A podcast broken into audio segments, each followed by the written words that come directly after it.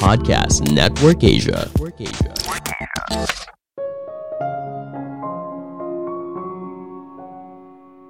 Generasi milenial dan Gen Z sering kali dianggap sebagai generasi yang rapuh dan manja.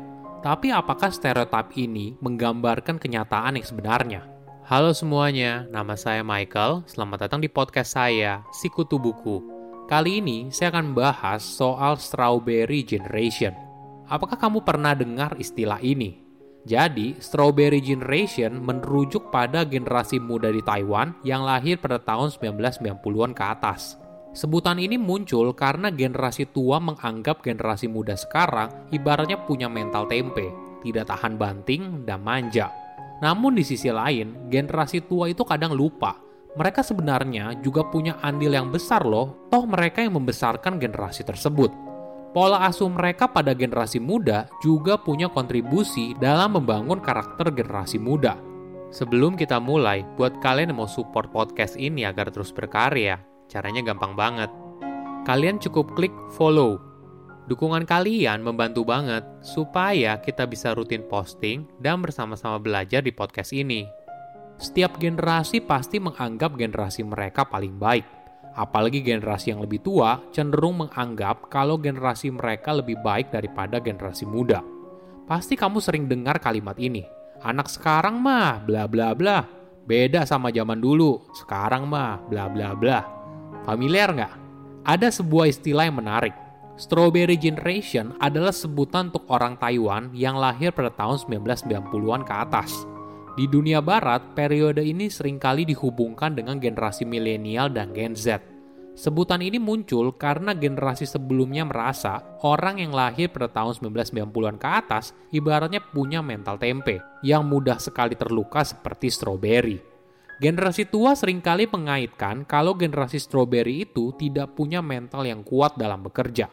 Dianggap sebagai karyawan yang manja, egois, arogan, dan malas. Generasi ini diberi label sebagai strawberry karena ada dua alasan. Pertama, generasi muda ini dibesarkan di lingkungan yang lebih baik, seperti strawberry yang ditanam dan dipelihara di rumah kaca daripada generasi sebelumnya. Kedua, stroberi dikenal karena keindahan, kelezatan, dan harganya yang mahal. Hal ini menunjukkan kalau kaum muda tidak kuat menghadapi tekanan, kesulitan, dan frustasi karena mereka dibesarkan di lingkungan yang baik dan nyaman, serta dapat memperoleh hampir apa pun yang mereka inginkan. Sejak label itu muncul, secara umum masyarakat menganggap generasi stroberi sebagai anak muda yang tidak kompeten atau bahkan tidak bertanggung jawab dalam hidup di masyarakat misalnya sering kali berpindah-pindah pekerjaan dan sebagainya. Mereka menganggap generasi strawberry terbiasa hidup berkelimpahan sehingga mereka tidak pernah menyadari kalau semua hal itu perlu kerja keras. Sebuah penelitian mengungkapkan 62% profesor universitas yang diwawancarai percaya kalau mahasiswa Taiwan tidak sekompeten mahasiswa dari China. Hal ini disebabkan mahasiswa Taiwan terpapar banyak informasi tapi tidak bisa berkonsentrasi pada pembelajaran khusus. Sedangkan mahasiswa China mampu menanggung kerja keras dan punya tujuan yang jelas.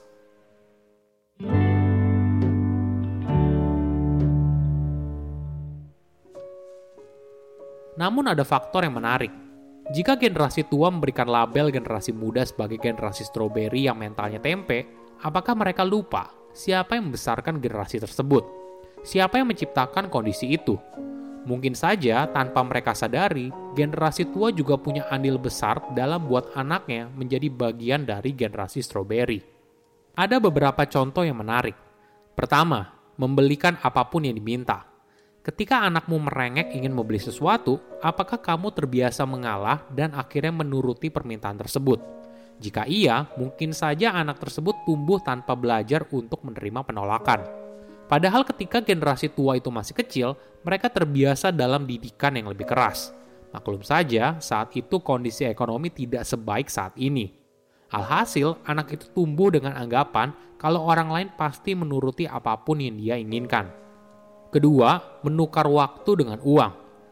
Di era sekarang, wajar saja kedua orang tua sibuk bekerja sehingga mereka hanya punya sedikit waktu dengan anaknya. Sebagai kompensasi, banyak orang tua memanjakan anaknya dengan memberikan uang dalam jumlah yang besar. Ketiga, tidak pernah menghukum kesalahan anak. Mungkin di zaman dulu kita pasti familiar dengan cara orang tua membesarkan anak dengan tangan besi. Misalnya kalau kita nakal, pasti akan terima pukulan. Namun di era sekarang, cara seperti itu sudah ditinggalkan. Tapi apakah kamu punya cara yang efektif untuk menghukum anak kamu ketika salah? Keempat, membantu di luar batas kewajaran. Ketika ada pekerjaan rumah dan anakmu kesulitan, apakah kamu atau asisten rumah tangga di rumah yang mengerjakan PR tersebut? Jika iya, hal ini bisa berdampak buruk di masa depan. Anak tersebut tidak belajar soal independen dan mencari solusi atas masalah yang sedang dihadapinya. Dunia tempat generasi strawberry dan generasi sebelumnya sudah jauh berbeda. Berkat kerja keras generasi sebelumnya, ekonomi Taiwan meningkat drastis dan masuk dalam jajaran 30 negara terbesar di dunia, dengan pendapatan per kapita tiga kali lebih besar daripada China. Tiba-tiba saja banyak bermunculan kafe dan tempat nongkrong. Sebagai gambaran, sejak tahun 2007 hingga 2013, ada 30% peningkatan jumlah restoran dan kafe. Menariknya, ketika generasi muda berlomba-lomba menjadi pengusaha dengan buka kafe atau tempat nongkrong, generasi tua justru nggak suka – mereka merasa generasi muda tidak punya ambisi besar dalam hidup. Maklum saja, di era lama, produk elektronik dan agrikultur dari seluruh dunia sering kali memiliki label Made in Taiwan. Namun sekarang, Taiwan merupakan negara yang kaya. Ekonominya juga sudah berubah. Bagi banyak negara berkembang, hal ini ditandai perubahan dari perusahaan manufaktur dengan fokus ekspor menjadi ekonomi yang fokus pada konsumsi domestik dan jasa. Itulah yang menyebabkan generasi muda di Taiwan tidak lagi berada di bisnis manufaktur. Namun mereka ingin menjadi pengusaha dan menjual produk atau jasa yang menunjukkan siapa diri mereka. Hasilnya, banyak kafe dan tempat nongkrong baru bermunculan.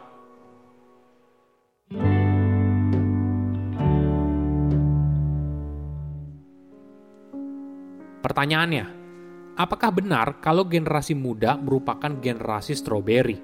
Sebagai disclaimer, saya mungkin saja bias karena termasuk dalam generasi ini. Pertama, anggapan kalau generasi strawberry merasa berhak dan manja. Mungkin kamu sering dengar stereotip ini. Namun pertanyaannya, kamu bekerja keras di perusahaan, lalu rekan kerja kamu yang kerjanya biasa aja digaji lebih besar daripada kamu. Nah, kamu terima nggak diperlakukan seperti itu? Generasi muda cenderung berani bicara hal yang dianggap sensitif oleh generasi sebelumnya Mungkin hal ini yang akhirnya muncul anggapan kalau generasi muda sebagai generasi yang suka komplain. Padahal generasi sebelumnya terima saja diperlakukan seperti itu oleh perusahaan. Kedua, anggapan kalau generasi strawberry itu lemah, mental tempe, dan gampang baper saat dikritik. Mungkin perlu dipahami zaman sudah berubah. Di zaman dulu, praktek seperti memaki karyawan dan menggebrak meja ketika marah merupakan hal yang lumrah namun di saat ini, cara kerja seperti itu sudah tidak relevan. Yang dibutuhkan oleh karyawan adalah cara yang lebih manusiawi, yaitu masukan yang membangun.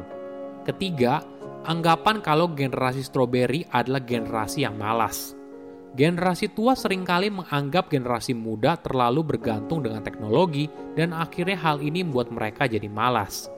Mungkin perlu dilihat dari sisi yang lain kalau mencari jalan yang efisien bukanlah sebuah tanda kemalasan. Ketika generasi muda dianggap malas, mungkin saja orang tersebut tidak punya tujuan yang kuat dalam bekerja. Misalnya pekerjaan yang dilakukan itu monoton, membosankan, dan ternyata tidak sesuai dengan apa yang mereka harapkan sebelumnya. Berbeda dengan generasi tua yang bekerja untuk mencari uang, generasi muda tidak hanya butuh itu, tapi mereka juga ingin punya makna dari apa yang mereka kerjakan. Oke, apa kesimpulannya? Pertama, stereotip generasi muda sebagai generasi strawberry. Strawberry Generation adalah sebutan untuk orang Taiwan yang lahir pada tahun 1990 ke atas. Di dunia barat, periode ini sering kali dihubungkan dengan generasi milenial atau Gen Z.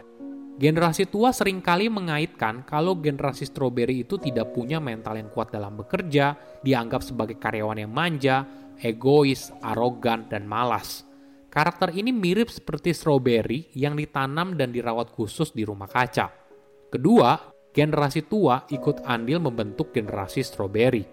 Jika generasi tua memberikan label generasi muda sebagai generasi strawberry yang mentalnya tempe, apakah mereka lupa siapa yang membesarkan generasi tersebut?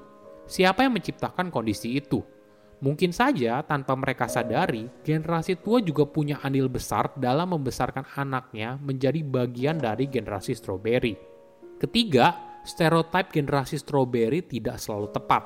Ketika generasi muda berani speak up soal lingkungan kerja yang toksik, gaji yang tidak setara sesuai kontribusi, apakah orang tersebut dianggap sebagai karyawan yang merasa layak diperlakukan khusus?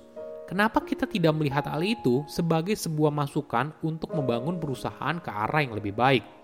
Saya undur diri, jangan lupa follow podcast Sikutu Buku. Bye-bye.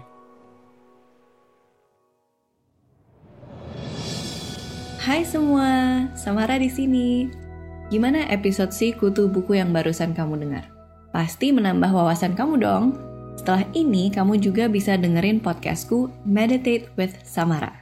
Di sana, aku banyak membahas tentang mindfulness dan juga berbagai konsep pengembangan diri yang menarik serta informatif. Yuk langsung dengerin podcast Meditate with Samara setelah ini. Namaste. Pandangan dan opini yang disampaikan oleh kreator podcast, host, dan tamu tidak mencerminkan kebijakan resmi dan bagian dari podcast Network Asia. Setiap konten yang disampaikan mereka di dalam podcast adalah opini mereka sendiri dan tidak bermaksud untuk merugikan agama, grup etnik, perkumpulan, organisasi, perusahaan, perorangan, atau siapa pun dan apa pun.